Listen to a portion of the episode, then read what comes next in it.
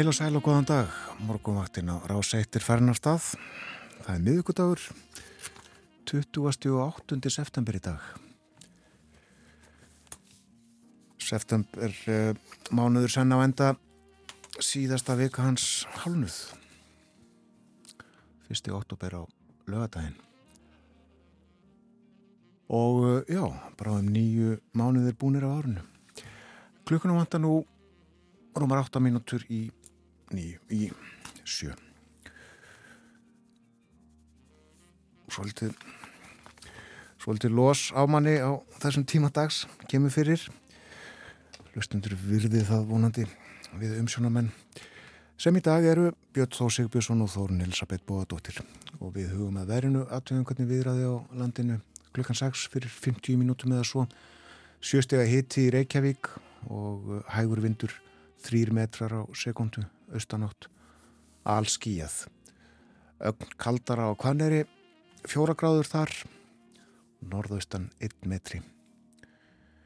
Stikisólmur 60 að hitti fjórir metrar allskíjað 5 steg að hitti á Patrísfyrði og nánast logn og fjóra gráður í Bólingavík nánast logn þar líka. Og blankalogn á Holmavík þryggjasteg að hitti Einn gráða á Blönduósi, þrjár við Söðunarsvita og hitti við Frostmarka á Akureyri, skíja þar. Tveggjastega hitti á Húsavík, þrjár gráður á Rauvarhöfn og þar var logn. Logn líka á þryggjastega hitti á Skeltingstöðum, tvær gráður á Grímstöðum. Þrjár gráður á Eilstöðum, skíjað, söðustan tveir metrar. Fimmstega hitti á höfni Hortnafyrði, Kvískerjum og Kirkjubæðaklaustri og örlítill andvari á öllum þessum þremur stöðum. Áttastega hitti á Stórhauða í Vestmannegjum og tveir metrar. Fimm gráður í Árnesi hægur vindur.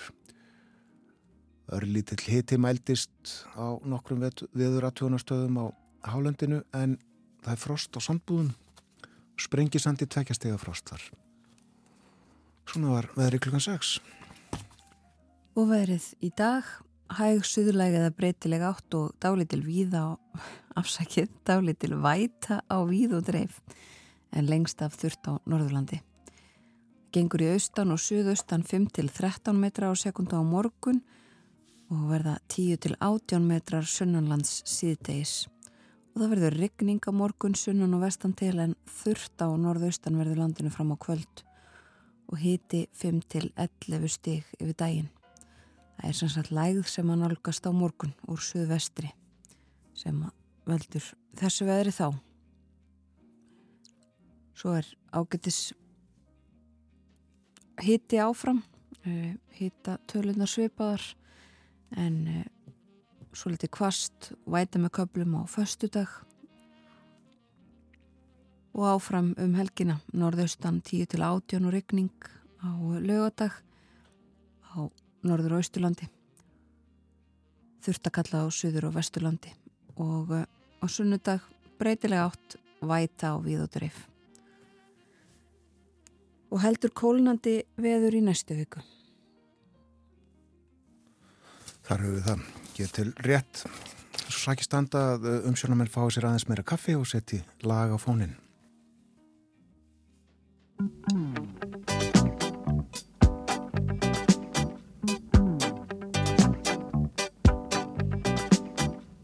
Er fósturjörðin felur sig í hrími og frostrán sittnar eini gróðurinn. Mér dettur oft í hugsa á dásamlega dvaldi ég í paradísum sinn. Á Jamaica eru dætur lands það dró mig einn í burt er enginn sá á Jamaica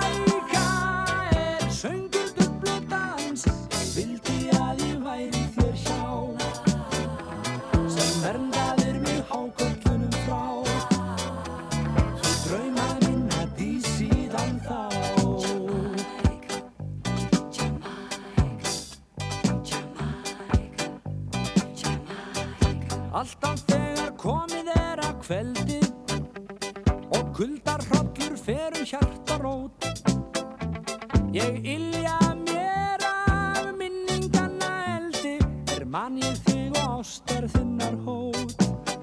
Á Jamaica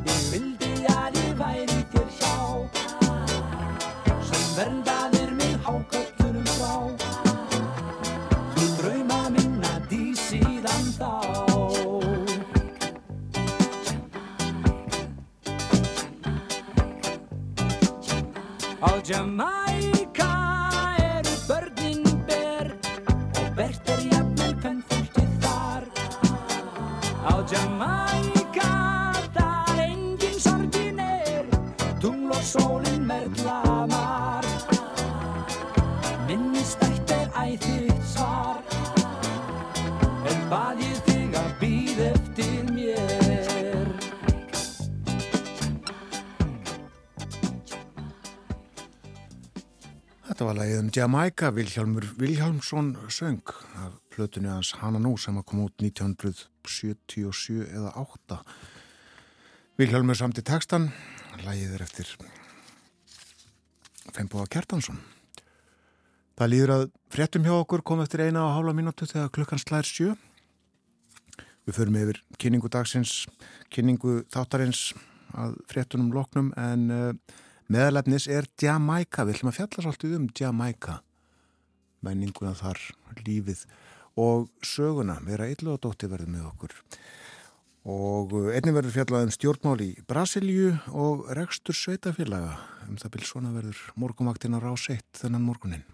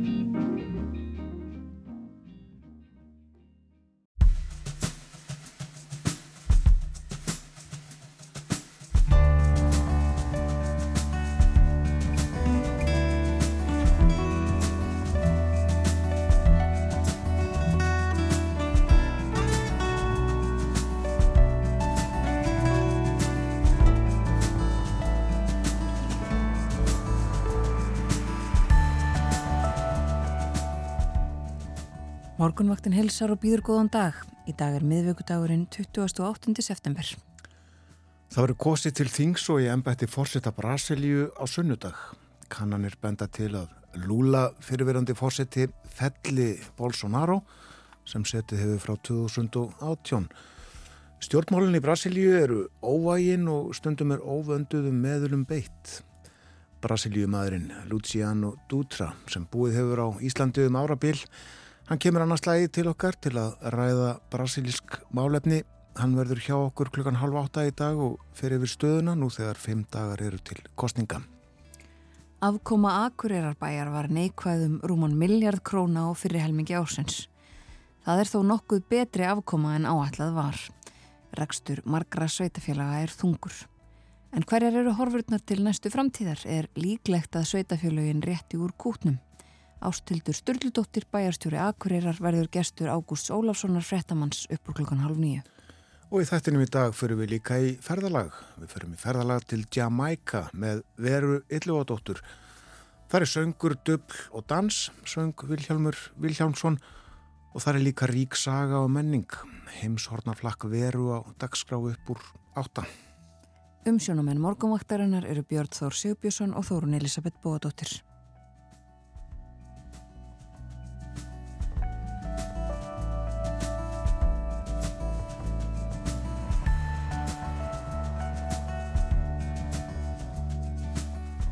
Það er ágættis veður á landinu, víða logn eða hægur vindur, áttastega hitti þar sem hlýjast var í morgun klukkan 6, þá er á stórheða í Vestmannegjum en hitti við frostmarka á Akureyri eins og er.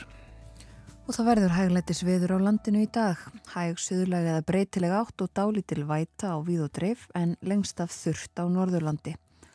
Og hitti í dag 5 til 11 stygg.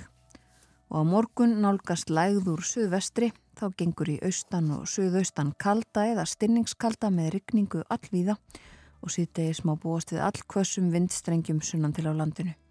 Á norðaustanverðu landinu verður hins vegar yfirleitt þurft fram á kvöld á morgun.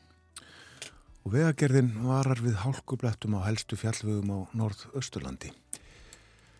Það er enn dimt í Reykjavík en uh, þar tók þó að byrta fyrir um uh, hálftíma eitthvað svo leiðis og sólar uppbrás er í höfuborginni löst fyrir hálf átta eftir 20 mínútur eða svo hefst sólar uppbrásinn og myrkur skellur á rétt fyrir átta í kvöld.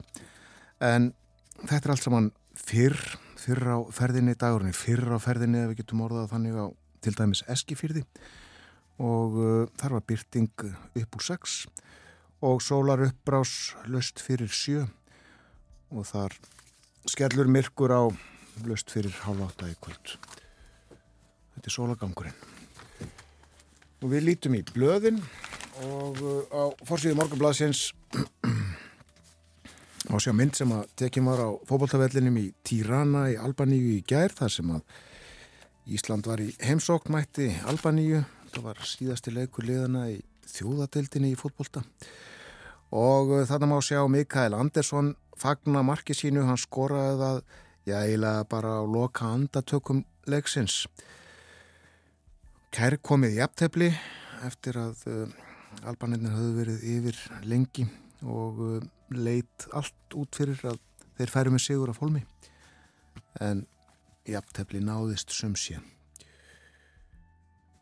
og uh, Ísland gerði jafntefni í öllum fjórum leikjum sínum í þessari keppni tvísvar við Albaníu og tvísvar við Ísrael Ísrael vann Albaníu hins vegar í tvígang og er efst í reilinu. Það gekk ekki eins vel hjá ungmennalandsliðinu okkar eh, gerði jæftefli gegn tjekkum í Tjekklandi í síðari umspilsleik þjóðana um sæti á EM næsta sumar. Tjekkarnir höfðu betur í leik í Reykjavík fyrir helgi og komist í áfram. Já, munaði litlu en svona fór þetta.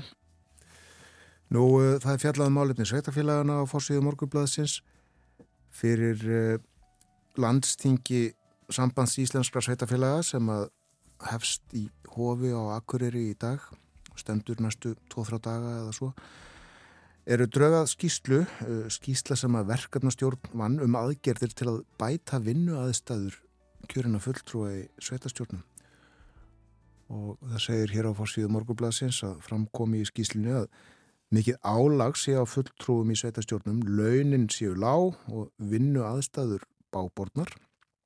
Þetta á að laga og uh, verkefnastjórnin leggur meðal annars til að reglur um fjölda sveitastjórnamanna verði rýmkaðar þannig að sveitafjölug geti fjölga fulltrúum. Einnig að kjara ákvæðum sveitastjórnarlaga verði breytt í því skyni að stöðlað sangjörnum kröfum og heimilað verði að bæta fulltrúum tekjutapp. Og þá er eindriðið mælt með því að tekna verði upp svo kallar barnagreðslur og það að danskri fyrirmynd. Barnagreðslur til kjörina fulltrúa með börn undir tíu ára aldri á sínu framfæri til að standa ströym af barnagæslu. Og um þetta verður sannsagt rætt og ímislegt fleira á þingi sambandsveiðafélaga. Nú fleira hér á fórsíðu morgunbladsins tökur á fjórðu þáttaröð sjónast þáttana True Detective munum fara fram í minnst fjórum myndverum hér á landi. Mikil vinna hefur verið lögðið að byggja leikmyndir að undarförnu. Tökur að hefjast og aðaleikonan Jóti Fóstir átti að koma til landsins í gær, segir hér mynd af henni á fórsíðu morgunblöðsins og fjallaði um þetta inn í blæðinu og það hefur verið gert áður uh, hér hjá okkur líka til dæmis á ráseitt, þetta er heilmikið dæmi ekki fleiri, fleiri miljardar sem að talið er að, að vera fórstur og hennar fólksmunni kosta á Íslandi. Jú. 300 erlendi gestir koma. Nú, uh, svo er það Sigurður Hannesson, frangatastjóri samtaka yðnaðarinn sem er í viðtali við viðskiptamokkan og uh, segir hér yngangi að frétta á forsýðu sem er tilvísun í umfjöllunina inni í blæðinu. Á meðan starfsmönnum hjá hennu ofnbera hefur fjölgað um tæplega 8.000, hefur launþegum á almennum vinnumarkaði fækkað Svo þróun er ósjálfbær því til að standa undir rekstri hins ofnbera þarf öflugt aðtunlíf.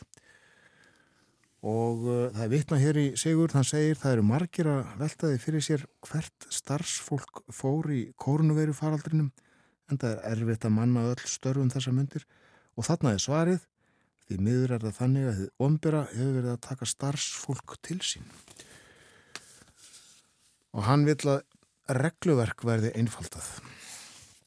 Nú, raforkumál til umfjöllunar á fórsíðu fréttablaðsins, Viljálmur Egilson fyrirverandi alþengismadur, hefur skrifað skýslu um orkumál og hann segir tímabært að endur skoða alla ferla í virkjanamálum, umræða um nýtingu vindorku sé í hálgerðri pattstöðu vegna þess hver erfiðlega gengur að komast að niðurstöðu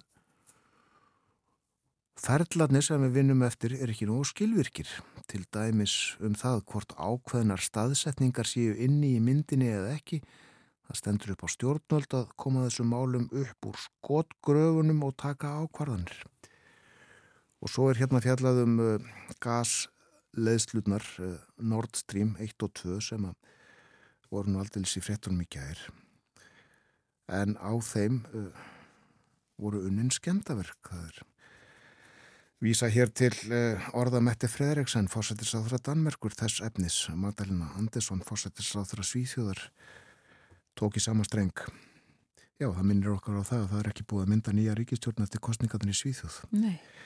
En uh, já, það var í fyrra dag sem að Siglingamálastofnum Danmerkur upplýstu um hættulegan gasleika við Borgundrahólm og komi ljós leki frá Nord Stream 2 í gær greindust svo lekar 2 í Nord Stream 1 og uh, sérfræðingar og stjórnmálumenn á Norðurlöndunum samfærður um að skemdaverk hafi verið uninn og ímislegt uh, framkomið sem að bendir til þess uh, mældust þarna jarðskjáltar eða, eða kom sem sagt reyfing fram á jarðskjáltamælum og uh, öll ummerki sína það segja þér að sprengt hafi verið gött á þessar leðslur. Já, þær eru uh, mjög sterk byggðar þessar leðslur, um, þykkar pípur og, og steinsteipa uh, sem umlugur þær og það er ekki þannig að, að til dæmis akkeri skipa eða neitt slíkt uh, geti uh, skemmt þær. Það þarf töluvert til er sagt og þetta er einmitt uh, stóra málið á fórsýðum fjölmarkra erlendra fjölmiðla í dag líka myndir þarna uh, af gasi uh, að sést svona gára sjóin og fjallaðum þetta í dönskum, sænskum, norskum, bandarískum dagblöðum í dag og breskum sem er leiðis. Þetta er viða umfyllunarefnið og, og sumstaðar gengið svo langt að saga rúsa um þessi skemdarverk. Uh, þeir hafi hljóti að bera ábyrð á, á þessu. En það er líka fjallaðum þjóðaratkvæðagreðslur í þessum fjórum héruðum Úkrænu rúsar hafa tilkynnt að hafi e, yfirgnæfandi meiri hluti næstum því allir viljað verða hluti af Rúslandi og sem kunnugtir þá hefur þessum atkvæðagreislum uh, verið líst sem bara skrýpaleg viðast hvar annar staðar. Uh, þetta hafi ekki verið frjálsarkostningar eða neitt í líkingu við það. Og fleiri frettir sem tengjast Rúslandi. Eh, það er sagt frá því núna, við, við töluðum um það á morgunfaktinni gerðmorgun að fjöldi rúsnarskra kallmanna flýr nú landið eh, til þess að komast undan herskildu og nú er sagt frá því erlendum fjölmjölum að eh, rússar séu að koma upp svona herstöð eða svona herkvaðningarstöð á landamærum við Georgíu. Þannig að þegar að Karlar hafi beðið í, í byrröð sem að loftmyndir hafa sínt að telur einhverja kílometra að þá uh, eh, lendi því að vera stöðvæðir af og látnir skrási í herin og um, fleiri frettir utan úr heimi. Það er um, fjallaðum þessi mál á í breskum fjölmjölum þar að segja Úkrænu, Rúsland og og uh, Nord Stream línutnar en aðal málið á flestum fórsíðunum í Breitlandi er, uh, eru bresk, stjórnmál bresk málefni það er verið að halda landsfund verkamannaflokksins í Liverpool og, og Kýr Starmer, Sör Kýr Starmer formadur flokksins eh, held sína ræðu. Um, riðist harkalega að eh, þessum áformum stjórnvalda um, um sem á voru kynnt í síðustu viku og hafa valdið miklum titringi á fjár, fjármálumörkuðum og viðar eh, þessar skattalækkanir og, og 45 miljardar punta pundið eh, hefur gengið þess hefur hriðfallið og uh, bara, já, mikil titringur. Kirstarmer sagði fólki að það ætti ekki að gleima þessu og ekki að fyrirgefa þetta þessar aðgerðir. Það væri ekki verið að hugsa um fólki í landinu íhaldsflokkurinn væri hreinlega að segja þið venjulega fólki í landinu komið okkur ekki við, þið eruð ekki okkar fólk. En uh, það er líka fjallað um það að uh, alþjóða gjaldir í sjóðurinn greip til þess svona óvenjulega ráðs að uh, hvetja bresk stjórnvöld í gær til þess að endurskoða þessar skattalækkanir. Og það gerist ekki mjög ofta að uh, svona sé grepið inn í og fjallaðum þetta á, á fjölmörgum fórsíðum meðal annars hér á fórsíðun á Daily Telegraph þar sem að Liz Truss og, og uh, fjármálráþara hennar eru kvött til þess að snúa við blæðinu, hætta við þessar skattalækkanir sérstaklega á efstu hæstu tekjunar Það er fólk sem er í bestu stöðunni. Já, um, og þetta geti haft uh, veruleg slæm áhrif á uh, stöðumála í Breitlandi. Er sagt að það, þau skilji svona kannski rauksendafæslun á, á bakvið þetta en þetta geti haft uh, þver öfug áhrif við það sem að uh, verið er að reyna að gera. Og um, fleira þessu tengt, það er líka talað um það í nokkrum blöðunum meðal annars á fórsíðunni á Times að um, húsnæðisverð geti lækkað um 10-15% í Breitlandi og það um, verði markvallt dýrara að uh, taka lán. Staðamála erfið í Breitlandi en ég var að hlusta á eitt lag á þöruna lengra er haldið eftir þessar fréttir allar saman. Heyrum The National og lagið heitir Not in Kansas. Then there. A bedroom is a stranger's gunroom. Ohio's in a downward spiral. I can't go back there anymore since alright opium went viral. I am not in Kansas, where I am, I don't know where.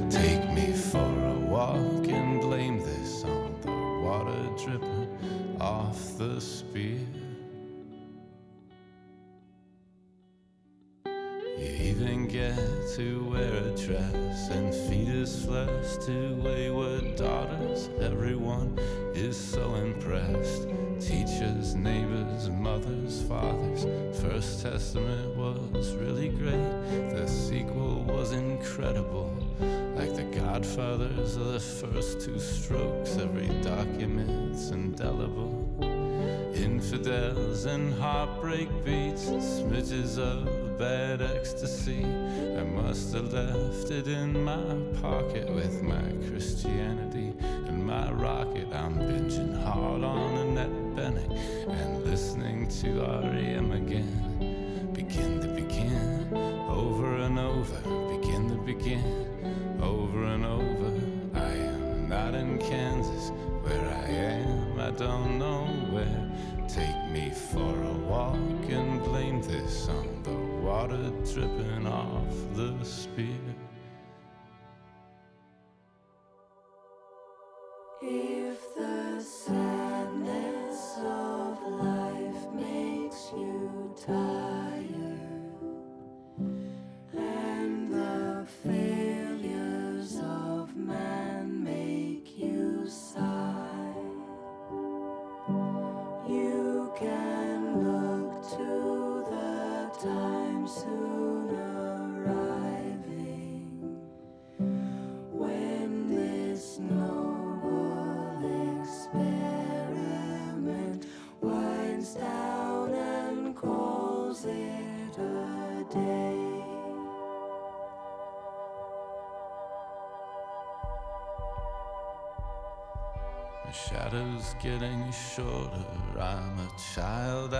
The border.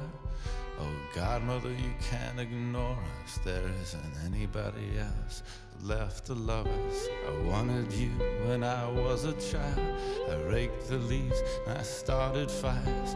Now I'm reading whatever you give me. That's half your fault, so half forgive me. I'm way behind in reflex math, biphasic, sleepless, emotional crashes.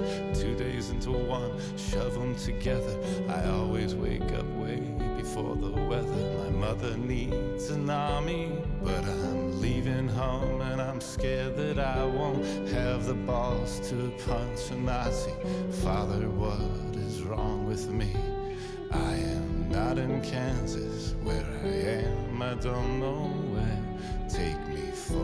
walk and blame this on the water dripping off the spear.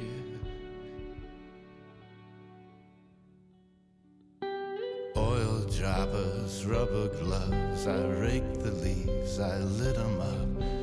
Whatever it is you give me. It's half your fault, so half forgive me. At the real Neil Armstrong taught me to play cutthroat at my Aunt Angela's house while my real dad skate got caught in the ice. He drove us home with a spiral fracture. It was then I was enlightened. Roberta Flack the whole way home. I was entirely unfrightened, dozing off and eternally unalone. The flowers cover over everything. They cover over everything. The flowers cover over everything. I am not in Kansas where I am. I don't know where. Take me for a walk and blame this on the water dripping off the spear.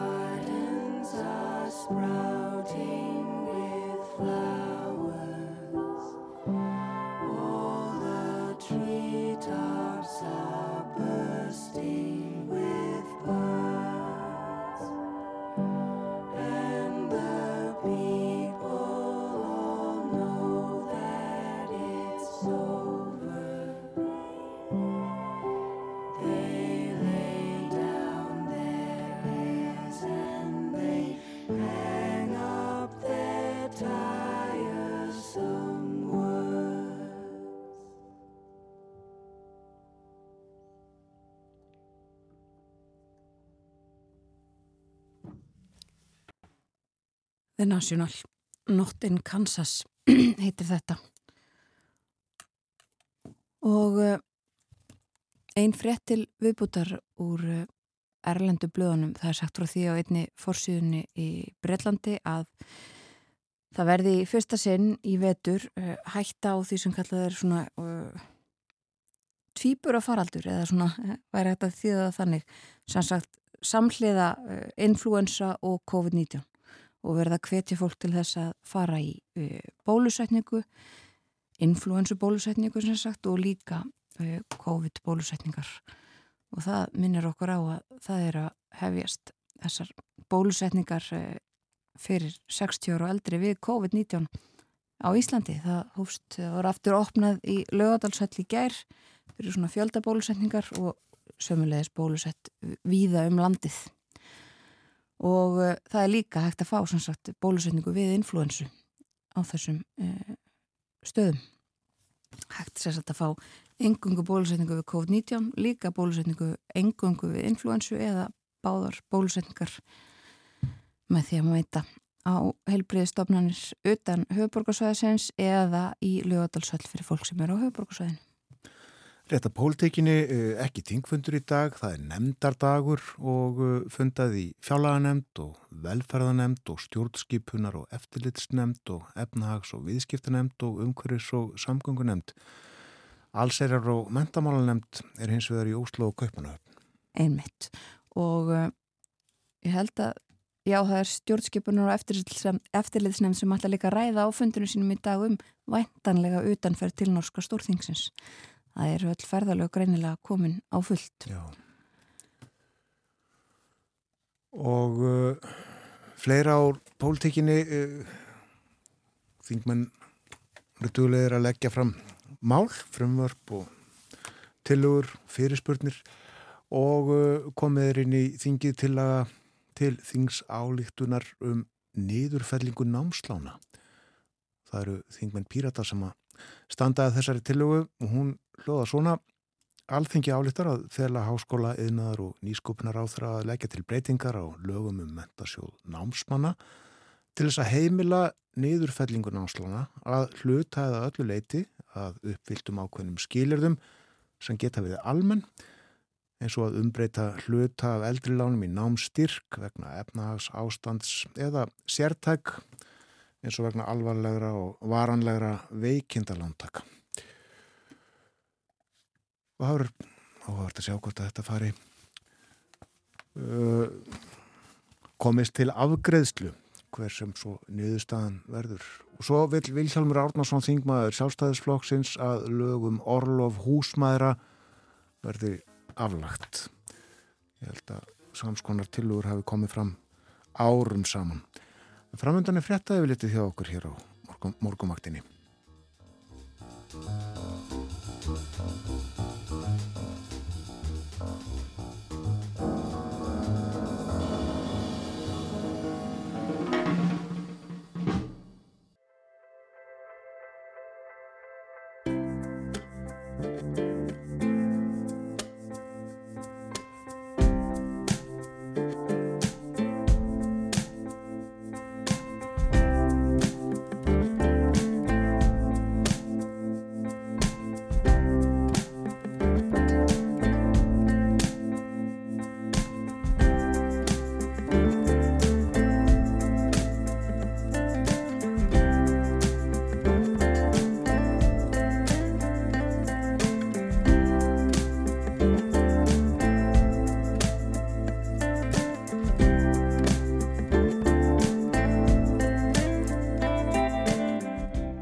Aftur, þetta er morgunvaktin á rás 1 klukkan núna réttliðilega hálf 8.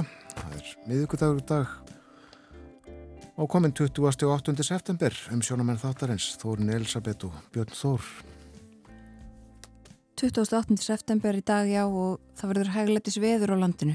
Hæg suðlega eða breytilega átt og dálítil væta á við og dreif en lengst af verður þurft á Norðurlandi og hitin 5-11 stigi við daginn. Það verður svo uh, aðeins verra veður á morgun sumstaðar á landinu það nálgast lægð úr suðvestri og gengur í austan og suðaustan kalda eða stinningskalda með regningu allvíða. Það má búast við allkvössum vindstrengjum sunnan til á landinu síðdegis á morgun en á norðaustanverðu landinu verður hins vegar yfirleitt þurft fram á kvöld. Og við minnum á það að hér á eftir þá uh, förum við í ferðalag uh, vera Ílljóðadóttir kemur til okkar og ætlar að ferðast með okkur í huganum til Jamaica segja okkur frá landi og þjóð sögunni og menningunni þar. Og svo í síðasta hluta þáttarins uh, förum við norður til Akureyrar. Þar er Ágúst Ólafsson frettamæður og hann ætlar að ræða við ástildi Sturludóttur bæjarstjóra á Akureyri. Fjárhagstaða og staða uh, sveitafélagana til umfyllunar þá. Og þau mál verða svo áfram til umfyllunar á morgunvaktinni síðar í vikunni. Akureyri og Jamaica já og uh, líka Brasilia. Það verður kosið í Brasilíu á sunnudaginn til þingsins og einnig uh, í ennbætti fórsetta og uh, kannanir benda til að Lula, fyrirverandi fórseti Felli Bolsonaro sem hefur setið ennbætti frá 2018 Til okkar er komin Luciano Dutra þýðandi, hann hefur búið hér á Íslandi um árabil og kemur stundu til okkar á morgunvaktina til að ræða um brasilísk málefni, heil og sæl og góðan dag. Góðan dag. Við uh, höfum margt að ræða en ég ætla að byrja að vitna í frétt sem er inn á vef okkar, rúð.is, Ævarurn Jósefsson skrifaði í nótt rúmlega 33 miljónir brasiljúmanna búa við svo þraungan kost eftir tveggja ára heimsfaraldur mikið atvinnleysi og óðaverbolgu að þær hafa ekki aðgang að nægu mat alla daga vikunar og tæljast lifa við hungurmörk. Þetta eru ræðilegar frettir frá tínu gamla heimalandi. Jó, um, takk fyrir að bjóða mér að vera hér og spjalla um Brasilíu og brasilíska kostningar á sunnudaginn. Það er fjóri, fjóri dagar kostningar, það var spennandi.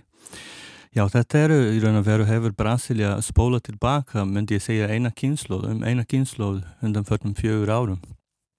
Og það er ekki einungis uh, uh, COVID-faraldrunum að kenna, þetta er líka, hérna, það hefur mistekist ríkistýtjandi ríkistjórnin að hafa uh, svona efnahægn á í læg fyrir COVID og eftir COVID.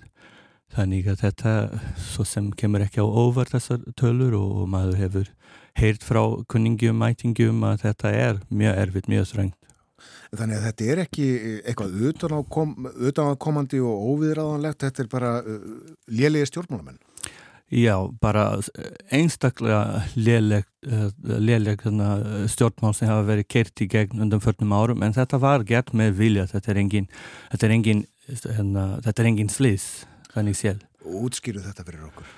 Uh, þetta er hérna, stjórnmálamæður sem uh, hugsaður þannig að það er einhver svona átök milli kommunista eða vinstri fólks og, og, og góðborgarar í Brasilju og svo að uh, stefnur sem hafa verið ríkjandi um, á tímum sosialdemokrata, ríkist, uh, ríkistörnum sosialdemokrata og verkamannaflokks voru bara hreinlega aftur kölluð og, og kert uh, stefna sem líkist uh, að mörgu leiti eitthvað sem eins og það var í landinu fyrir 50 árum, 60 árum uh, jáfnveg lengra sko á, á, á nokkrum sviðum.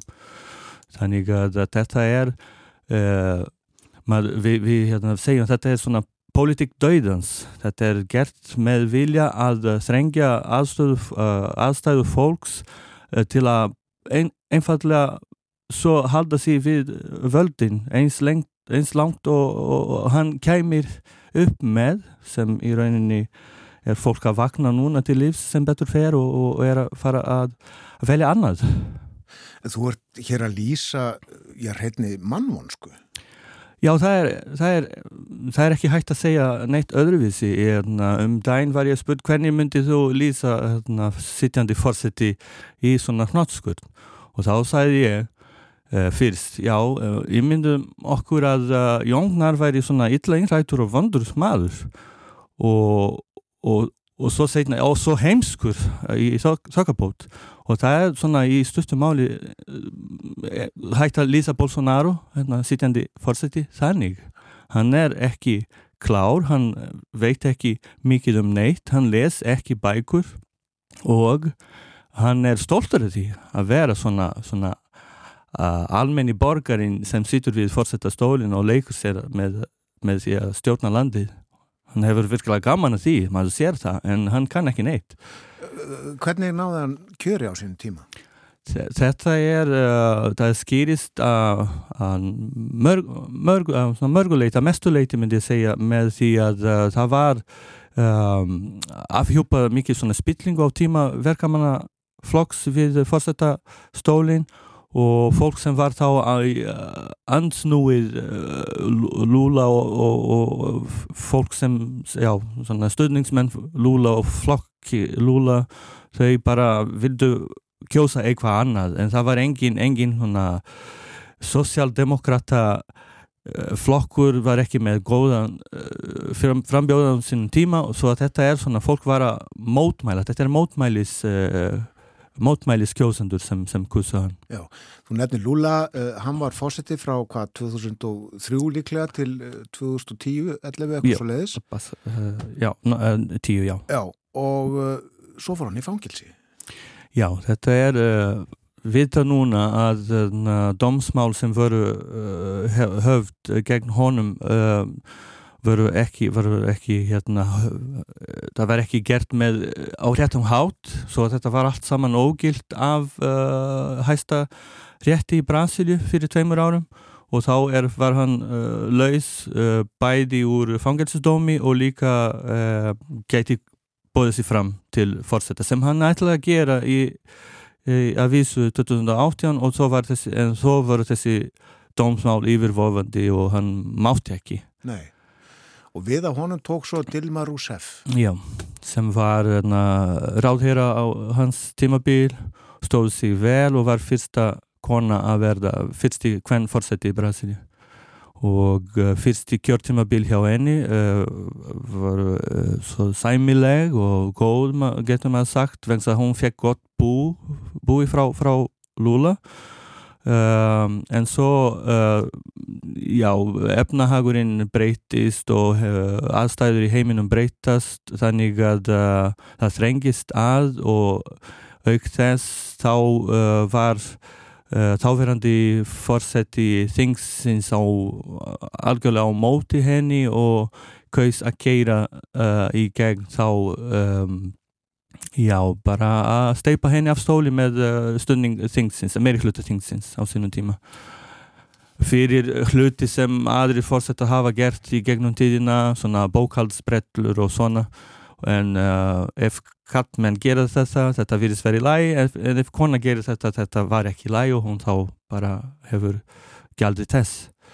En núna er Lula komin aftur og uh, hann nýtur uh, talsverð fylgis og meira fylgis heldur en Bolsonaro uh, núna þegar fjóri-fimm dagar er til kostninga. Fjóra dagar, já, uh, já, þetta hefur verið svolítið stöðugt síðan í fyrra, má, má, má segja, en uh, núna á loka metrum, hann hefur verið með svona kannski 45, 46 gegn 32, 33 hjá Bolsonaro, en maður sér að þetta er einhver svona kurvan er að fara upp hjá Lula á loka metrun og, og stendur í stað hjá Bolsonaro og hinnum líka. Þetta er snýstum að eitt fá í 50% atkvæða pluss eitt atkvæð til að vera kjörinn við annarkvart fyr, fyrsta umferð eða setna umferð.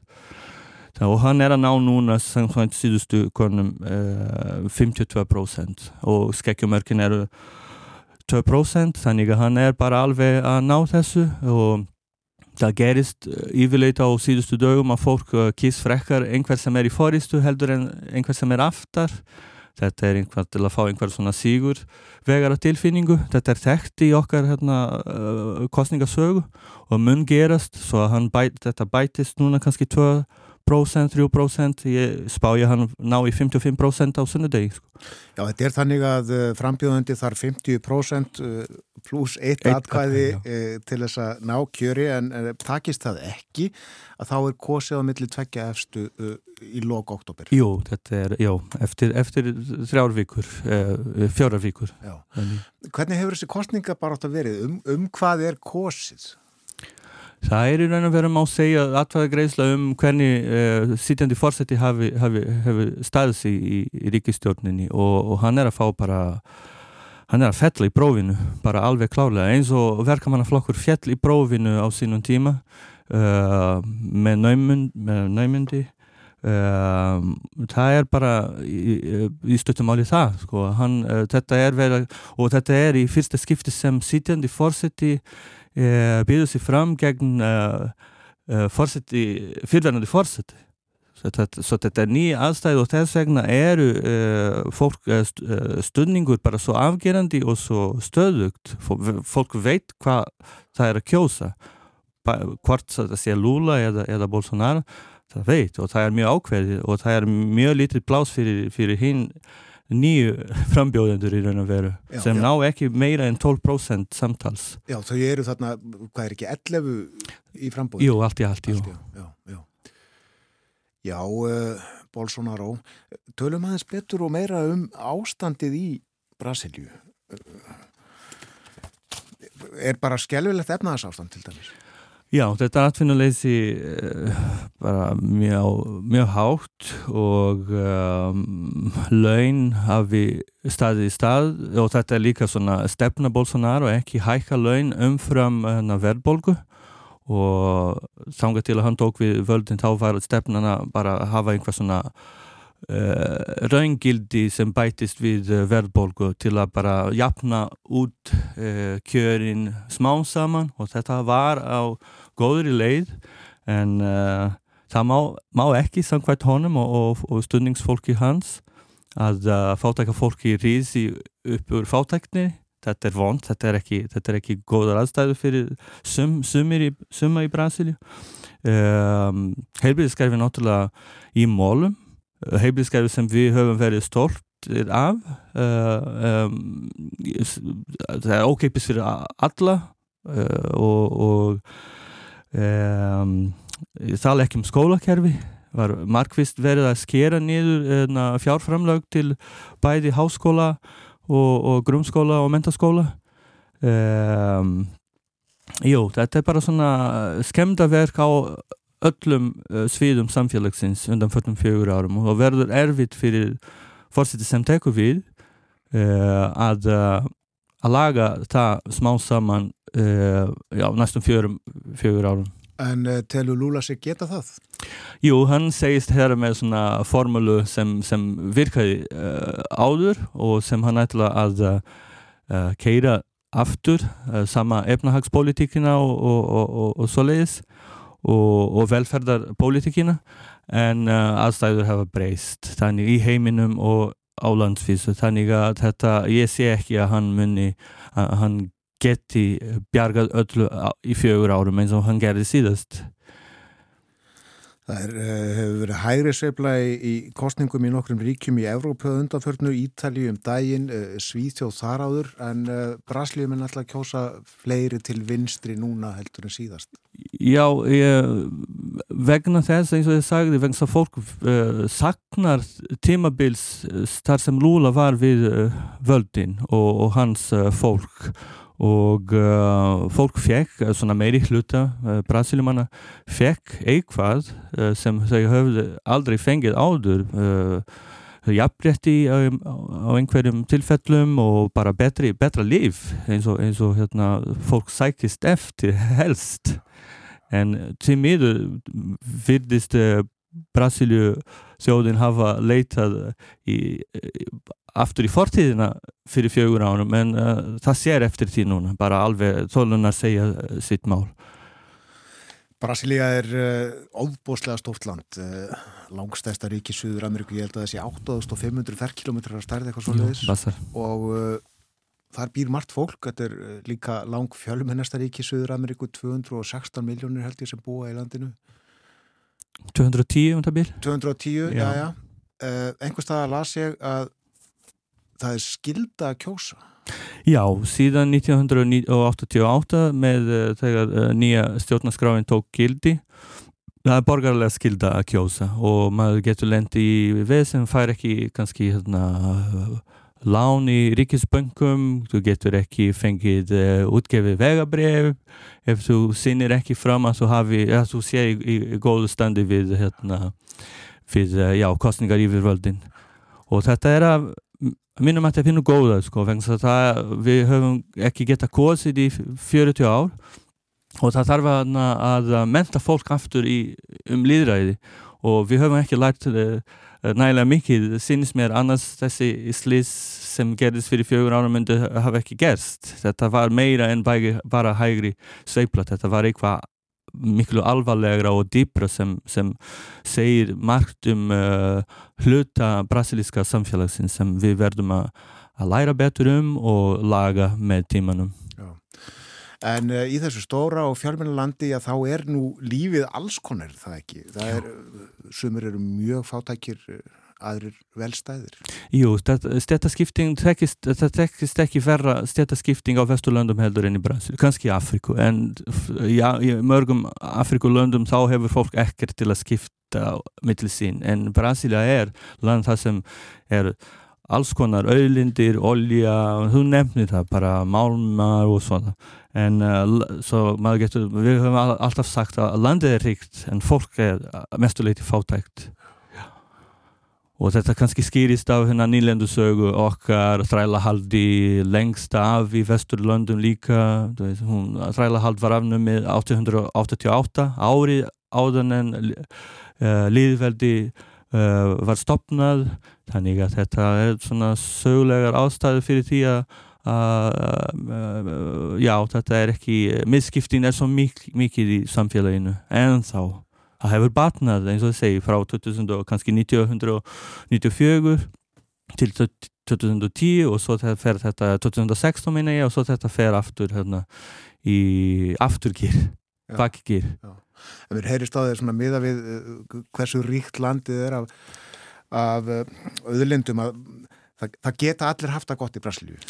Jú, uh, fyrir 12 árum var Brasilia sjötta stærsta hagkerfi í heimi uh, tók, að, tók við af hérna, Bretland á sínum tíma en núna er bara komið uh, nýjunda eða tíunda eitthvað svo leiðis með trátt fyrir allt og allt þetta er ennþá svona stórt hagkerfi en það gæti verið það gæti verið á pari við Kína eða Indland til dæmis vegna það auðlind er til staðar mönnauð er til staðar og uh, það þarf bara að hafa skinsamar stefnur og ekki, það þarf ekki að vera neitt rótækt í raun og veru.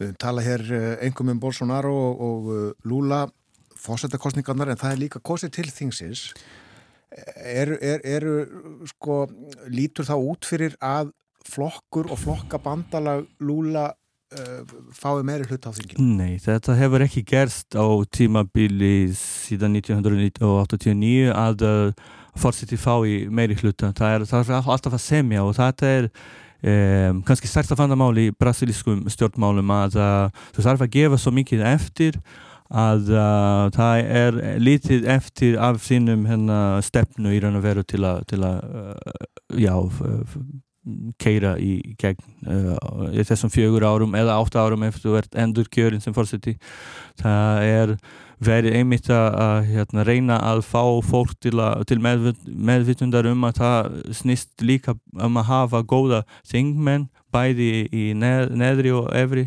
deild þingsins en uh, það er hægara sagt en gert. Þannig að það þarf mikla málameilanir Já, bara og Lula segist líka kunna það. Og eins og hann gerði síðast og voru allir svona uh, já, meiri hlut allavega þingsins var að kjósa uh, með honum. Og, og þess vegna var honum kleift að gera svo mikið á mjög stundum tíma. Já. Uh, Bolsonaro hefur auðvitað sér skoðanakannanirnar og er að búa sig undir að tapa. Og hvernig ætlar hann að bregðast við? Jú, hann ætlar að saka Lula og aðra um svindl Jú, jú, þetta hefur uh, leið fyrir síðan, síðan hann var kjörina. Hann, hann segist hafa unnið eh, við fyrir umferð eh, 2018 ekki, hann myndi vinna ekki væri fyrir svindl í, töflum, en, en það er enginn sem, engin sem staðfestir þetta korki úr hérna, kostninga eh, stopnum í uh, Brasilíu nýja að uh, eftirlits uh, fólki á land í Brasilíu eða að utan sem koma til að fylgjast með, með kostningum þannig að þetta er ekki á rökkum reist og stundningur sem hann segist eiga inn í hjá hernum er bara ímyndunar ampl herinn og, og er ekki að fara á varnalíð er ekki að fara að hætta sig í einhverju ævintýri til að halda hann, hann við völdin ef hann er ekki réttgjörinn. Serðu fram á betri tíma í Brasilíu ef að Lula nær kjöri? Uh, ég veit ekki hvort að ég með segja betri en alltaf skári tímar. Þetta er alveg vist og fólk, uh, ég held að það er mikið von og um að það uh, svona andrumslofti breytist og svo geta hluti smá saman fara að ganga upp aftur á sama horfi og var fyrir sex árum. Hvernar uh, fórst þú síðast til Brasilíu? Uh, fyrir COVID 2018, já. Og ekkert komist eftir það? Nei, við ætlum að fara núna um áramótinu og jólinu til að sjá þessar skerfilega breytingar og, og, og líka þessi eh, von sem er verður og er til nú þegar upp í lofti eh, vegna kostninga. Þetta verður gaman og á saman tíma það verður sorglegt að sjá svona fólk út á götum og svona börn út á götu og svona hluti. Þakkaði fyrir komin enga á morgumvaktina í dag. Uh, Luciano Dutra, þýðandi og grafískur hönnuður og einmislegt fleira. Við heyrjum kannski síðar og uh, röpum um Brasilíu, brasilísk málefni. En uh, kosið á sunnumdægin og við fylgjumst með það sjálfsögðu og fjöllum um niðurstöðunar á morgumvaktinu á mándagsmorgunin. En það líður að fréttum hjá okkur koma á slæginu átta eftir 6 mínútur, fyrst auglýsingar og eftir fréttir þá ætlum við að fjalla um Jamaica.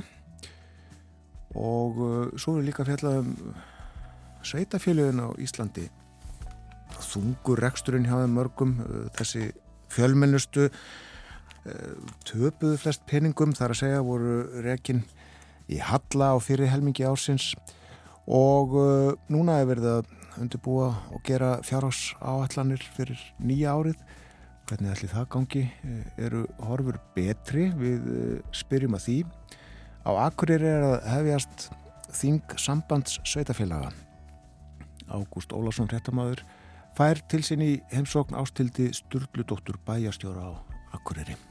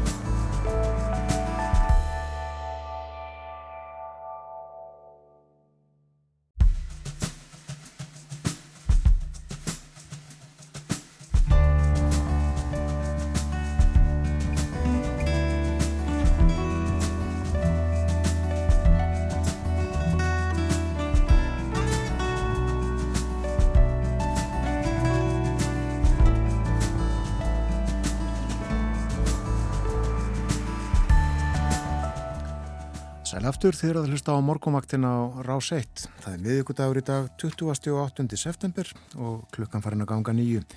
Ég er áðan fjöldluðum fjöldluðum við um stjórnmál í Brasilíu. Það eru kosi þar í landi á sunnudaginn.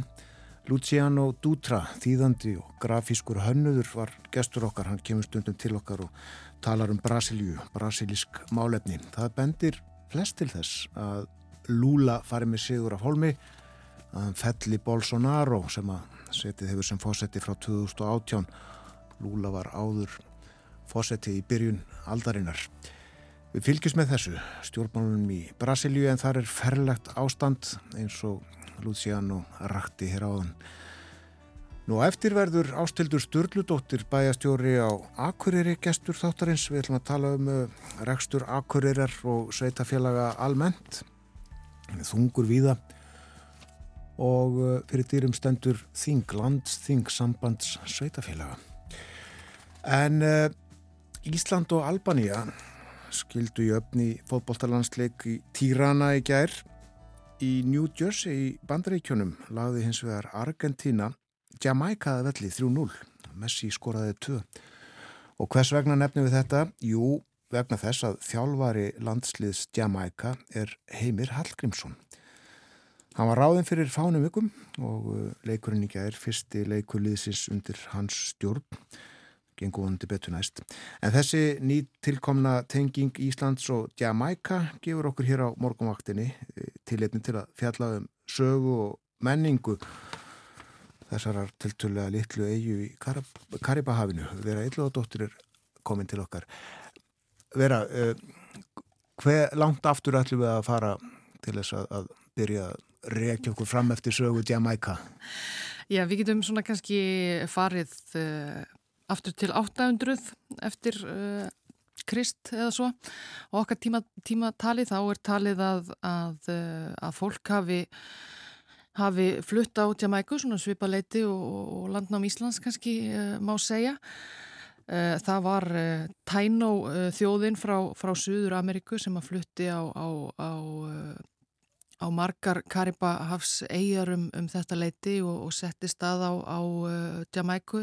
Jamaica er, er já, tæpir 11.000 ferkilometrar, þetta er þriðja stærsta eiga Karibahafsins á eftir Kúpu og uh, Hispaníólu sem eru sumuleiðis uh, næstu eigjar. Hún er um 145 km suður af Kúpu og, og 200 km tæpa vestur af Hispaníólu er þarna, líkur þarna aðeins, aðeins uh, fyrir sunnan. Slapp blessunarlega vel við þetta, þetta óveður sem við heyrðum af í, af í frettunum áðan og leik Kúpu illa. En nafnið Jamaica er fengið úr, úr tungu uh, Taino þjóðarinnar sem að flutti þarna seg, um 800 að talið er og uh, mun nafnið þýða eitthvað í líkingu við land viðar og vatns sem að, sem að fólk fann þarna í, í, í hrönnum. Síðan vitum nú ekki mikið um, um sögu eigarinnar þanga til að uh, Evrópumenn koma siglandi. Kristófer Kólembus uh, sildi þarna hjá 1494 á sinni uh, annari siglingu í Karibahafinu, kom síðan aftur 1503 og beigð þá raunar skipbrott á, á Jamaica og neittist til að vera þar í, í sex mánuði eða svo meðan hann beigð björgunar með mönnum sínum en í kjölfarið á þessu þá lögðu spánverjar eiguna undir sig og fóru að setjast þar að og gerði það verkum að, að, að frumbyggjar eða, eða tænu fólkið á eiginni fór umsöga löst að deyja í hrönnum úr sjúkdómum sem að, sem að voru þeim framandi og spánverjar fluttu með sér frá, frá Evrópu. Mm. Þeir, gerðu, þeir reyndu líka að neppa innfætta í, í allskynns eh, þrældum og, og fóru, fóru hryllilega með þá sem að, sem að komast af úr þessum, úr þessum farsóttum. Já. Þannig að það er svona frekar skömmu eftir að spánveri að fara að koma sér þarna fyrir þá er í raun og veru uh, innfættir eiginlega deyja bara hreinlega nær allir út. En uh, brettar fengu síðan uh, áhuga á þessari eigu eins og fleiri eigum í Karibahavi uh, réðust á, á uh, Spánverja þar 1655 og svona fimm árum síðar þá hafðu þeir lagt uh, Jamaica undir sig og eigin varð síðan svona já, mikilvæg, mikilvæg nýlenda í, í, í, í Karibahafs veldi þeirra og komið þar upp svona svipuðu kerfi og á öðrum eigum, uh, breskir kvítir uh, landnemar sem, a, sem að ráku þarna stórar plantegrur, ræktuðu mestmækni sigur en einnig kaffi og, og, og bómull og, fleira og þar sem að uh, Spánverjum hafði ju tekist að, tekist að útrýma innfættum þá, þá voru fluttir þarna svartir þrælar frá Vestur Afríku til þessa, til þessa vinna. Já. Nú, uh, það var alltaf, uh, já, þrælarnir á Jamaiku voru, voru sífælt að gera uppreysnir og reyna að brjótast til frelsi. Það voru hluti þræla sem að tókst að flýja frá plantegrum og þrælahöldurum og, og stopnuðu til frjálsra uh, samfélaga í, í, í, í fjallendi uh, innar á, á eigunni og þrælára Jamaiku gerði síðan blóðuga uppreysn 1831 og voru í, voru í já, stöðugum bardugum við, við breyta sem að já, var stór ástæða þess að, að þræla hald var síðan afnumið í breska heimsveldinu nokkur árum síðar 1834 og þrælarnir uh, fengu þá frelsi þó að auðvitað hafi margir þurft að halda áfram að vinna á, á, á planteigrum þó að þeir teltust frjálsir menn. Já, svo líða ykkur, ykkur ár til viðbútar uh, þar sem að ríkið er samt áfram undir stjórn breyta eins og svo mörgunur. Jú, og, og svart flestir íbúar sem að voru þá í, og eru í miklum, miklum meiri hluta byggu lengi enn við, við, við kröpp kjörundir breskum yfir á þeim en, en uh, fóru að berjast fyrir réttundum sínum og fyrir uh, sjálfstæði. Uh, og eigin fekk svona smám saman þegar leið á 20-stöldina meiri uh, sjálfstjórn frá brettum og, og síðan loks uh, sjálfstæði 1962 sem að, sem að Jamaica-menn halda veglega upp á ári hverju. En eigin uh, til er ennþá breska samveldinu, þarna er svona bresk kerfi eins og sem líkist pólitísku kerfi í, í Breitlandi eins og, eins og fleiri gömlum nýlendum og, og þarna, er, uh, þarna er sem sé konungur uh, breyta, formlega séð konungur Jamaiku einnig en uh, reyndar upp mjög háverar rættur um það hjá Jamaikamönnum að uh, losa sig við Karl III uh, breyta konung og, og taka upp líðveldi eins og við sáum að gert var uh, á Barbados, annari Karibahafs eigu uh, í lokárs uh, í fyrra og uh, báðir helstu stjórnmálaflokkar Jamaiku styðja uh, það að uh, segja skilið við krúnuna þegar hafa talað um þetta uh, núna í nokkur ár og uh, sagt að meiri hluti landsmanna, allavega meiri en 50% landsmanna gerir það einnig og þetta verður mjög líklega á, á, á, á dagskrá á dagskrá þeirra einhver tíman á, á, á næstu árum hvort að emt verður til þjóðaratkvæða greiðslu um, um, það að, um það að eh, taka upp líðveldi eða, eða eitthvað, eitthvað slíkt en, en líklegt að það að svo verði. En þó að þetta sé eins og það er að þá skipta breytatin sín nú ekki mikið af málum er það á Jamaica? Nei, það er ekki, ekki mikið en auðvitað svona mikil bresk áhrif þarna einhverja síður.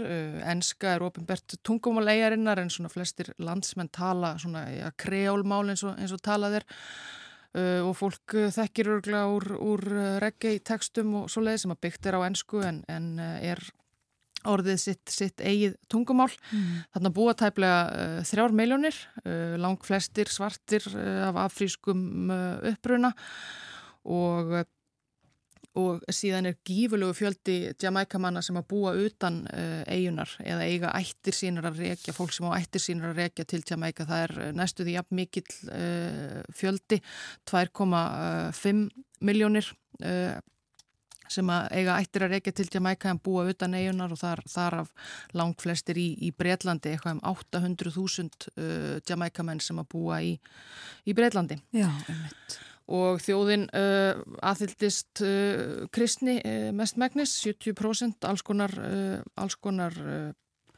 kristin trúform. Þannig varðu þetta til já, ný trúarbröð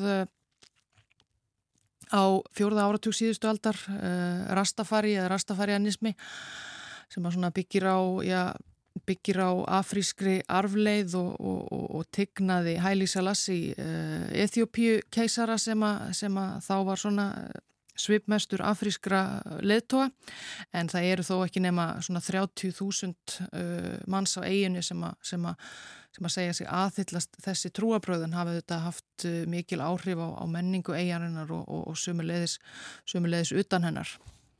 Hvernig hefur Jamaica munum vegna þessi 60 ár sem að, uh, þeir hafa verið sjálfstæðir hvernig er efnahagurinn þarna og, og og það allt saman?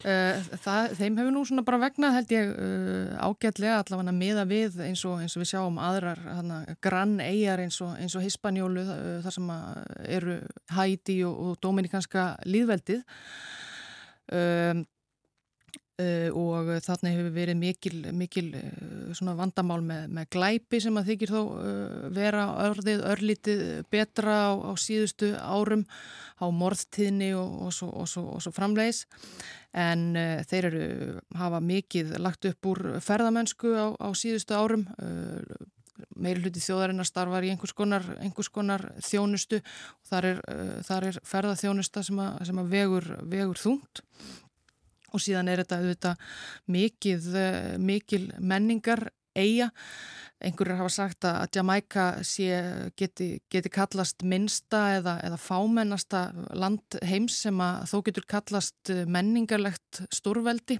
á uh, svona alþjóða vísu.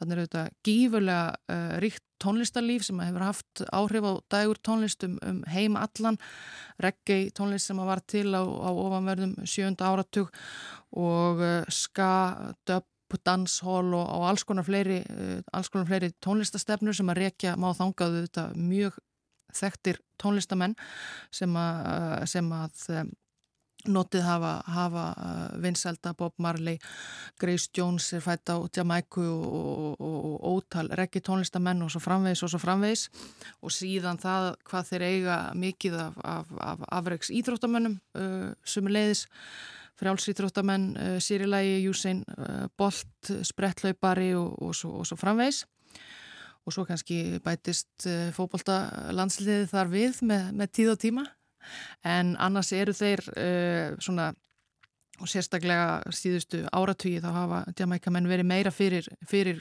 krikett en fókbólta. Það er þeirra þjóðar íþrótt og vinsalasta íþrótt og þeir eiga uh, mjög marga fræga krikettmenn sem ég kannu alls ekki að nefna en það þekki ekki mikið til uh, þar en uh, fókbóltin hefur verið að, hefur verið að, að reyðja sér rúms á síðari árum og, og, og, og síri lægi eftir, eftir að landsliðið í fókbólta uh, tók þátt í komst á uh, heimsumistaramót 1998 og svo þetta bob, bobsleða liðið fræga sem að tók þátt á, á, á olimpíuleikum þó að það er nú ekki verið mikil, mikil sigur för. Alveg rétt. Þú nefndi Bob Marley, við ætlum að hlusta tónlist. Já, við ætlum að hlusta á, á uh, reggae, ekki Bob Marley, heldur uh, aðra þekta uh, reggae sveit uh, frumkvöla í þeim bransa Toots and the Maytals. Takk fyrir í dag, vera Íljóða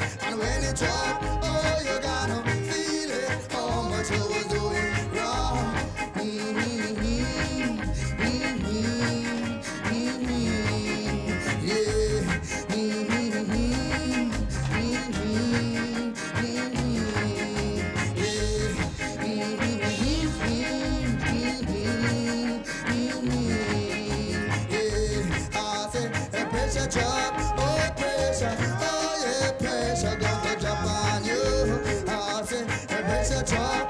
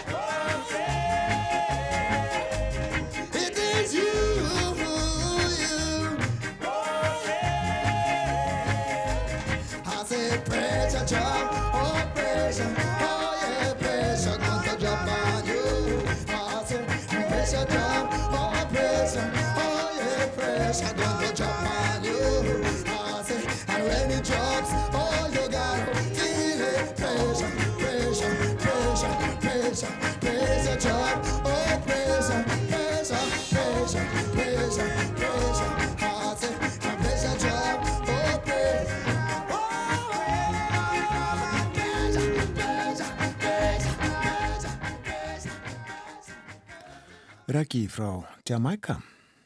Pressure Drop, uh, The Maytals. Vera Eiljóðdóttir sagði okkur frá Jamaica.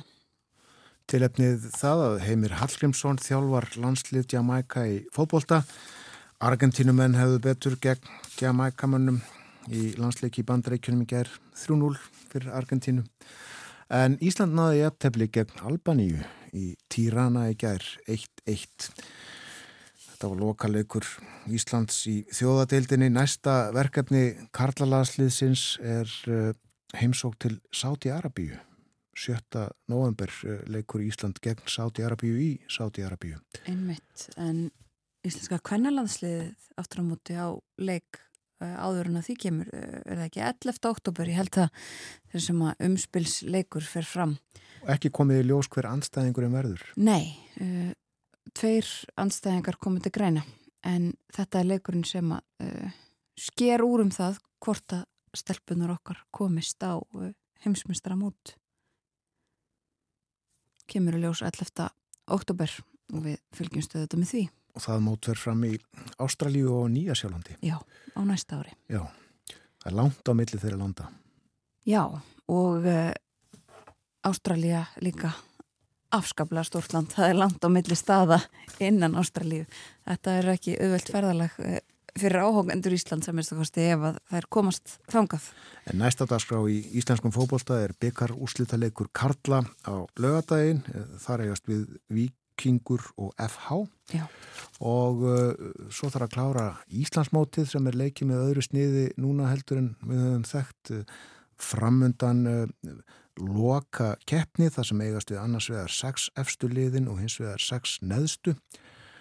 Og uh, verður aðteklisvert að fylgjast með þessu öllu saman. Við vonum að viðri vel í oktober. Við áttum von á því, uh, og ekki bara við, heldur uh, landsmenn, að nú fyrir mánuðamót kæmi út skísla ríkisendurskoðunar um sölu ríkisins á hlut í Íslandsbanka viðskipti sem að fóru fram í mars var það ekki? Og vöktu talsverða aðtekli og reyði mér segja sumra.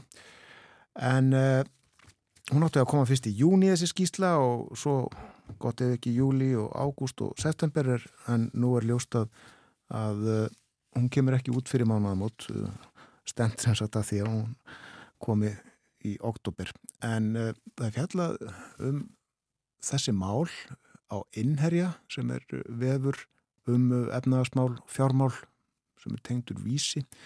Og uh, það er fjallað um uh, rannsókn fjármála eftirlitsins á þessu máli. En uh, það var tilkynnt snemma að fjármála eftirlitið hefðist skoða þarna tiltekna þætti. Og segir í frétt innherja að það sé verið að skoða eða rannsaka starfshætti ráðgjafa fjármála fyrirtækja við með viðs, í, sagt, viðskipti sem áttur sér stað með bref líklega í bankanum fyrir útbúðið Já.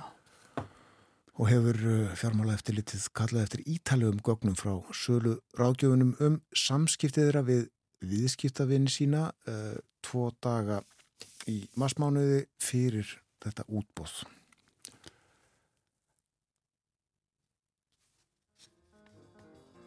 Hér eftir fréttaðið sem að kemur eftir fjóra minútur verður ástildur Sturldóttir bæjastjóri Akureyrar gestur þáttanins Ágúst Ólásson fréttamaður á Akureyri tekkur á mótenni.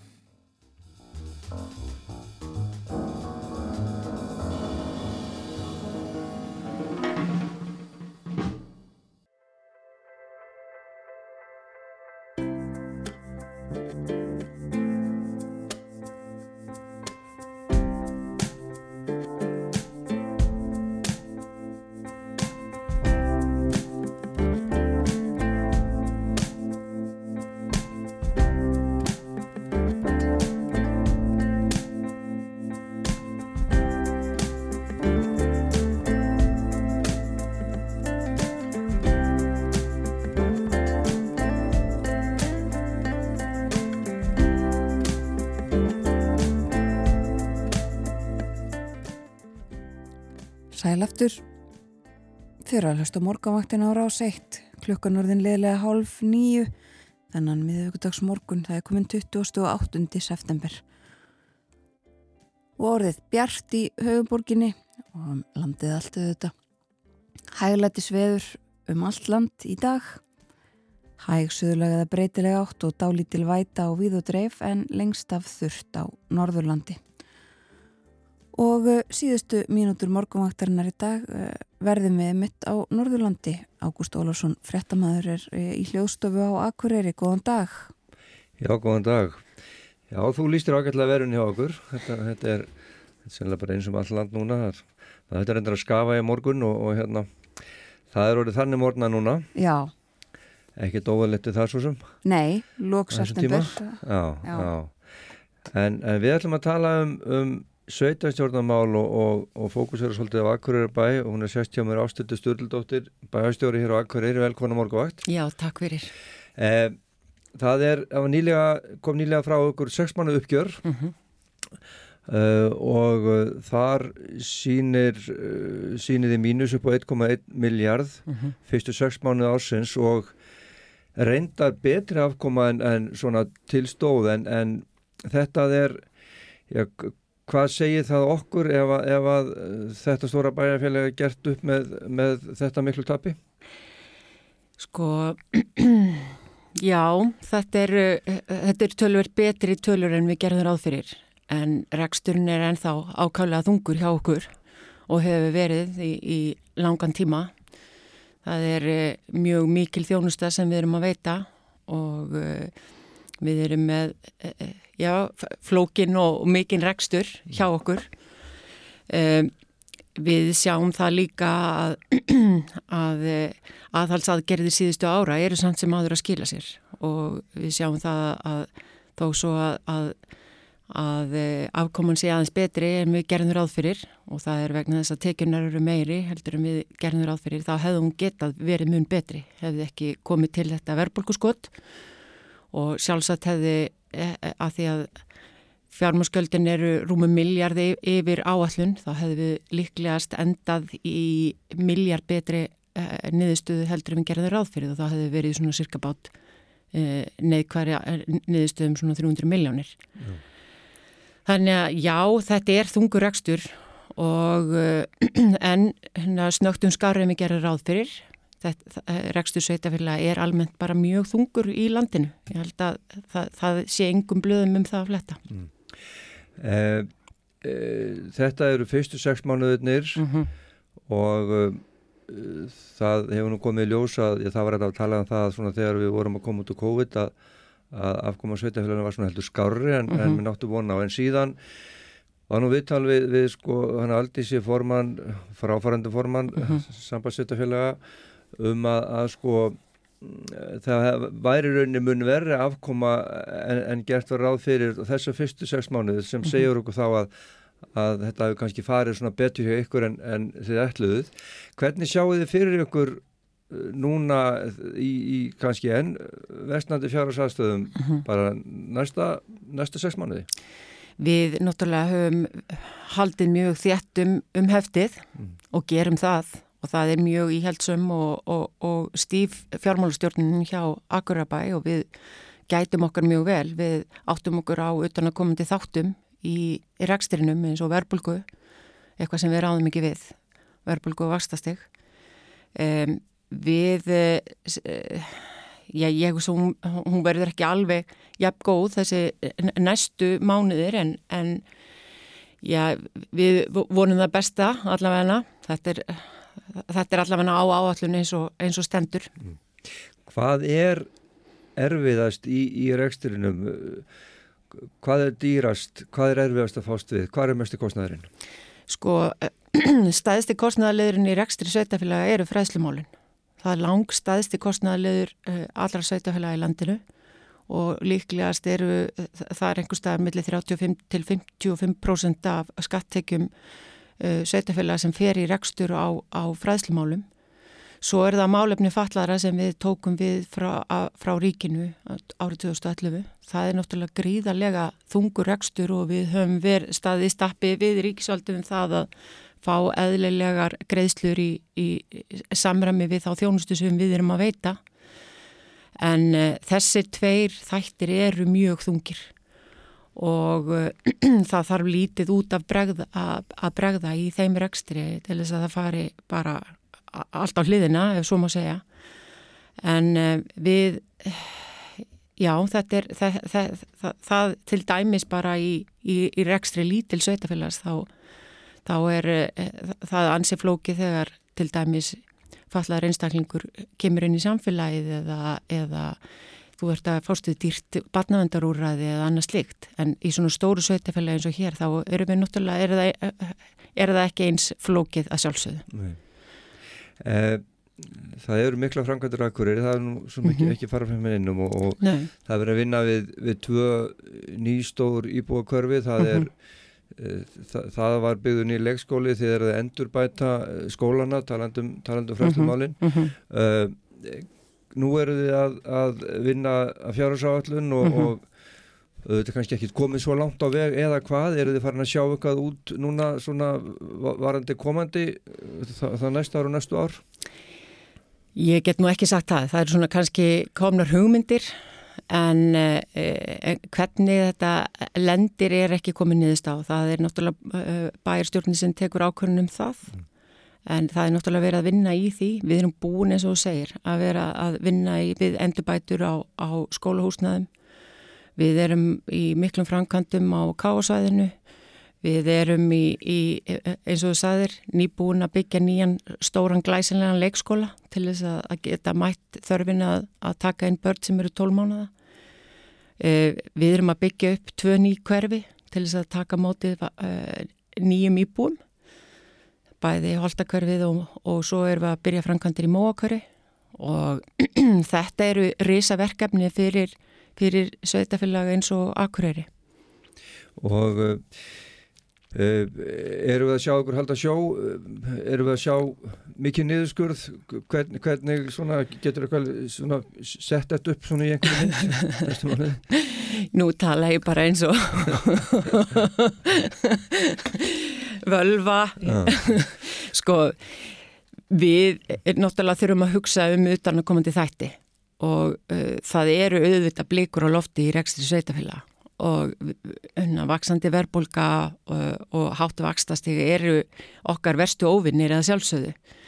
Uh, við uh, við höfum náttúrulega verið í miklum niðurskurði síðsliðin ár og sínt mikið aðhald í rekstrinum og við munum halda áfram að sína mikið aðhaldi í rekstrinum. Það er ábyrt. Þetta, eru skattpenningar okkar allra og við þurfum að fara ákvæmlega vel með það fjármagn og við erum ekkert að fara í ykkur að opna tjekkæftið upp og gátt, alls ekki. Við bara getum ekki lift okkur það. Afkom og sveitafélag sem síðastliðin ár hefur bara verið þannig. Þannig að við munum fara gætilega eins og við höfum gert síðastliðin ár og vera íhaldsum í okkar fjár, fjármálastjórn sem hefur bara reynst vel og uh, ég held að við þurfum bara að hugsa það að það er margt sem getur gerst í heiminum og, og huga því í, í, í gerð fjárhásállunnar. Mm. Eh, þú myndist á þann á, á, á það að það hafi verið meiri tekjur en, en menn, menn byggust við og, mm -hmm. og það vantilega tengist nú uh, fólksfjölgunni hérna eða íbúafjöldanum það hefur verið jákað þróun þar. Hva, hvað skiptir miklu máli bara eins og útsáðstekjur að, að, að það skuli vera þessi fjölgun? Það skiptir alveg rosalega miklu máli. Það er bara hver einstaklingur sem uh, greiðir útsvar að hann skiptir okkur máli. Það er bara uh, hver haus sem, sem skilir sér inn í samfélagið og borgar til okkur útsvar, hann skiptir máli og sem betur fer er, hefur verið mjög jákvæð þróun varðandi íbúafjölkun hér í bænum og nú erum við alveg að fara nálgast 20 og, og 1.000 mm. nei 20.000 að markið og, mm. og það er náttúrulega ákvæmlega gleðilegt. Og uh, það, uh, það, uh, það bara skiptir okkur og hvert átt einasta sveitafélag máli að fá íbúa.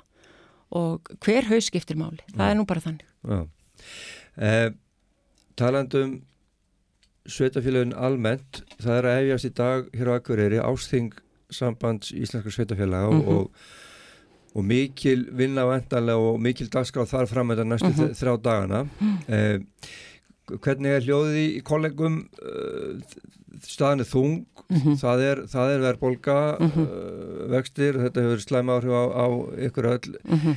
uh, Aldís Hafstinsdóttir hefur lotið hafa eftir sér að, að það væri kannski dæmi um bara að, að sveitafélög væru eiginlega ósjálfbær mörg hver og, og það hljómar ekki, þetta hljómar ekki dópaslega vel Þetta er svolítið dómstags. Já, það, þetta, er, þetta, er, eru þungmál sem þau eru að fara með Já, í, í þinginuna Að sjálfsögðu og, og fjármál sveitafélaga eru náttúrulega eh, verða mjög fyrirferða mikil á þessu þingi og það er búið að vera starfandi nefnd um, um tekistofnum sveitafélaga og við erum nú að fara að ræða e, niðurstuð þeirra nefndar í dag. Uh, uh, það er, þetta er eins og ég sagði áðan, þetta er gríðarlega þungur rekstur og, og það má lítið út af bregða í rekstri sveitafélaga. Nú erum við með nýja sveitastöndamenn og ég held að það séu nú allir bjarsinir á framtíðina og þrátt fyrir það að það séu litli peningar. Það eru alltaf ofsalega litli peningar í rekstri sveitafélaga. Það er, þetta er ekki, þetta er ekki þannig að það sé hægt að fara í, í, í stórar og miklar byggingar á hverju einast ári. Það er, það er nú bara þannig.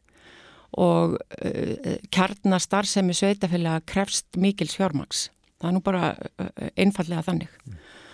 Uh, almennt séð held ég að, að uh, fólk sé björnsýnd en það er samt sem áður uggandi yfir stöðu sveitafélagin í landinu. Og ég held að við sjáum það bara á hverju einasta ári hversu reksturinn er þungur og hvað, hvað er litli peningar í spilunum og hvað, hvað má lítið út að bregða til þess að, að reksturinn uh, fari öfu megin við línuna. Mm.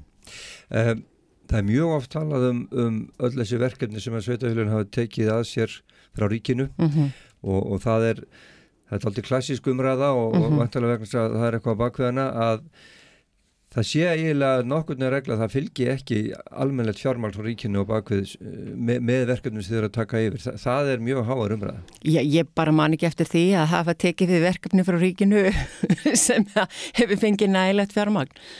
Við, ég minna, þegar e, e, sveitafélagin tókuði rekstir grunnskóluna þá hafði sjálfsagt grunnskólinn verið fjársveldur í áratýji Við sjáum það bara hvernig eh, kostnæðarum við rekstu grunnskóluna og mönnun á grunnskólunum hefur vaksið á síðisleginum árum. Bara þjónustan hefur breyst svo gríðarlega mikið á síðustu árum. Þannig að veist, þetta eru hluti til dæmi sem þarf að skoða alltaf með reglumbundum hætti sem að tekjumótilið á fjármagnun rekstra grunnskóluna. Svo aftur málumni fallara sem hefur náttúrulega verið gríðarlega þungur bakki fyrir sveitafélagin og við viljum þjónusta falla fólk vel.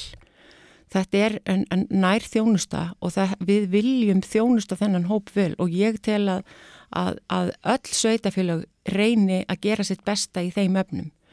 Það hefur alveg sínt sig að í öllum útæktu sem hann gerðar hafa verið að það er ekki nægilega mikið fjármagn sem fylgir rekstrinum því miður og ríki hefur náttúrulega verið mjög íhald samt að endur skoða það en, en maður hefur svona, svona heyrt svona e, vilja til þess að, að, að bæta eitthvað aðeins upp. En við, við þurfum meira. Þetta er, það, það, það fjölgar í þessum hópi ár frá ári. Og við þurfum að fylgja lögum varandi þessa þjónustu og hvernig við veitum hana. Og, og, og og þessir íbúar okkar eiga rétt á þjónustu og við viljum veita þessa þjónustu. Nú hefur það verið með háar umræðan umræðan um það að sveitafélagin vilji skila af sér mm -hmm. málefnum, málefnum fallara. Mm -hmm. uh, nú það er í gangi núna hópur sem er að endur skoða mm -hmm. þetta allt saman. Ertu bjart sín á að, að, að þetta sé að, að ganga tilbaka að, að þið sveitafélagin fara að sjá fram að meira fjármál frá ríkinum í þessi verkefni? Já, ég, ég tel að sveitafélagin sé að veita mun betri þjónustu heldur en ríkið veitti á sínum tíma. Ég held að það sín, sé allir sammálum það. Ég tel líka að þessi þjónusta eigi heima hjá sveitafélagunum vegna þess að þetta er nærþjónusta. Mm. Þetta er þjónusta sem við að, við þekkjum þessa borgara og við eigum að veita þessa þjónustu og ég, ég vona að ríkið skilji það að það þurfi meira fjármagn til þess að sinna þessari þjónustu. Þetta er ákvæmlega dýr þjónusta, í einhverjum tilfellum er sólarringsþjónusta og hver búsettukjarni er í raun og veru stóriðja, það eru, geta verið 30-35 starfsmenn sem starfa við e, eitt búsettukjarna. Þannig að þetta er mannaflsverk þjónusta og það kostar. En þið eru vongóð mm -hmm. en er það vegna þess að þið eru að sjá einhverja breytingar? Séu... Ég er bara ofsalega bjart sinn manneskeðlisveri og ég skil nú ekki ef að, ef að ríkið skilur ekki þegar öll sveitafélagi meir og minna í landinu eru að reyka málefni fallara í mínus og eru að greiða inn að gæsa lappa með þeirri þjónustu og þá er auðvitað að vittlu skefið. Það er ekki vegna þess að við kunnum ekki að reka sveitafélagið eða kunnum ekki að reka þennan málaflokk. Það er svo fjarr í lægi og ég, ég vona nú að, að svo vinna sem er í gangi núna og, og svo vinna sem verið hefur síðslega nár staðfesti það að það er alls ekki nægilegt fjármagt sem fylgir um, þessu málaflokki frá ríkinu. Um, þingið er að hefjast setjumpartin í dag og, og, mm. og það eru vantalega fólk á leiðin og kannski komið já, já. Eru, eru þið að setjast á alls konar nefndafundi og, og já, fundi hér í dag? Já, já, við verðum næstu daga í, í, í, í vinnuhópum það sem er verið að fjalla um, um, um hérna ímsu þætti í rekstri sveitahöla og uh, uh, það verður bara ákvæmlega spennandi þetta er líka, það er alltaf ákveðin spenna að hitta nýtt fólk það, það, að, þingið er haldið á Akureyri á fjögur ára fresti og uh, það fylgir því spenna að, að sjá nýja bæjafulltrú og kynnast þeim og uh, þetta er nú þannig hópur að, að við erum nú farin að þekkjast eftir að hafa hist mörgu sinnum á, á fjögur ára tímabili og margir hverjir hafa verið þannig í áratýji í að, að vinna fyrir sitt samfélag sem er alveg ótrúlega mikil fórn og uh, ver, er, þetta er allavega verða skemmtilegi dagar að, að spjalla og, og heyra hvað er verið að gera á hennum ymsu stöðum á landinu. Um, fólk sem þekkist vel gegnum árun en svo, svo er líka að hittast núna splunkunýtt fólk eftir kostningarna. Akkurat, akkurat og ég held að það verði líka spennandi fyrir það fólk að, að sjá hvernig við erum að vinna og, og kynnast starfi sambandsísliskra sveitafélaga. Því að það er náttúrulega skemmtilegt og þetta er skemmtilegu vettvangur og það er alveg ákala gaman að starfa í sveitastunum álum. Ástildur Sturldóttir, takk fyrir, takk fyrir kona morgunvakt og, og ég vona að, að þetta þing verði, verði árangastríkt. Þú talar um að, að það eru fjármálinn, þau eru þung og það, það eru mörg kannski stærri máli í gangi líka. Já, það er alltaf næg málefni hjá í, þegar er sveitafélagin annars, annars vegar. Það er engin dagur eins, það er alltaf eitthvað að gera. Og uh, já, það er, það er ekkert okkur óviðkomandi þegar kemur að, að sveitastöndumálum í raun og veru eða bæja málunum. Og uh, fullt af spennandi verkefni sem við erum að gera og fullt af jákvæðu og, og, og flottu verkefni sem við erum að vinna sem ég held að þurfi líka vekja aðtegla á. Það er, þetta er ekki alltaf bara allt í skrúinni. Veist, við erum að vinna í ótrúlega flottri mentastefnu hérna á Akureyri og og eh, frábært fagfólk í leik og grunnskólum hjá okkur og svo náttúrulega þegar kemur að, að þjónustu við, við falla fólk sem er eh, gríðarlega mikilvægt. Ástöðu takk fyrir konamorguvakt og, og þá látum við duga þessa umræðu sveitistjónamálinn í, í bíli en mikið líklegt að þau verðu upp á borðinu og, og til umræðu næstu dagana í kringum þetta landsting til dæmis. Takk fyrir það Ágúst Ólafsson og Ástildur Sturldudóttir Jú, það er líklegt að þessi mál verði áfram til umfyllunar og þau verða áfram til umfyllunar á morgunvaktinni í fyrramálið. En uh, það er komið að lókum hjá okkur í dag. Umsýramenn þáttarins Björn Þór Sjöbjörnsson og Þórun Elisabeth Bóadóttir og Ágúst Ólafsson og Akureyri líka með okkur voru svo Ástildur Sturldudóttir Vera Ylluadóttir sað okkur frá Jamaica fyrir morgun og uh, Luciano Dutra þýðandi rætti við okkur um brasilísk stjórnmál. Það verður kosið í Brasilíu um helgina á sunnudag. En þessu er lokið hjá okkur í dag. Við ljúkum þessu á lægi. Janis Joplin syngur Me and Bobby McGee. Takk fyrir samfélgina í dag. Verið sæl.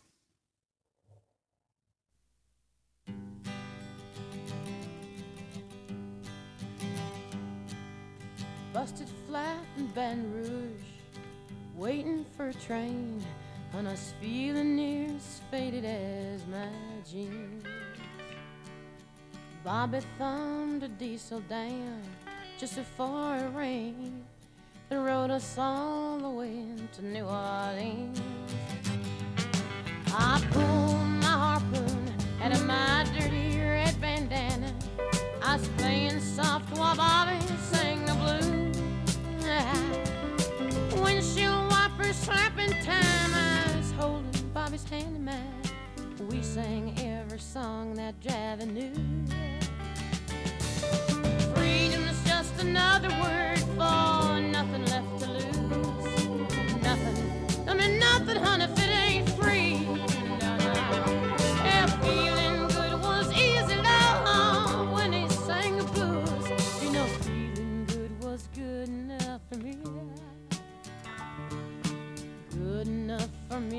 me and my Bobby,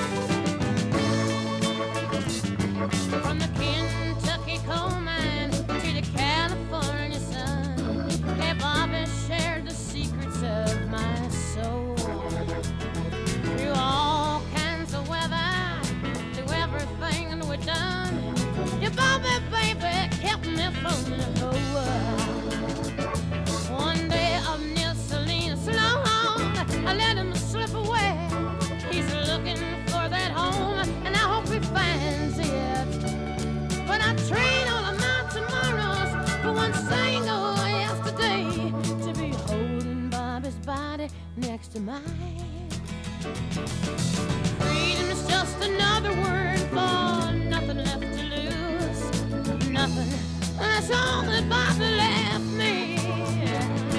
But if feeling good was easy down when he sang the blues, hey, feeling good was good enough for me. Mm-hmm. Good enough for me and my Bobby.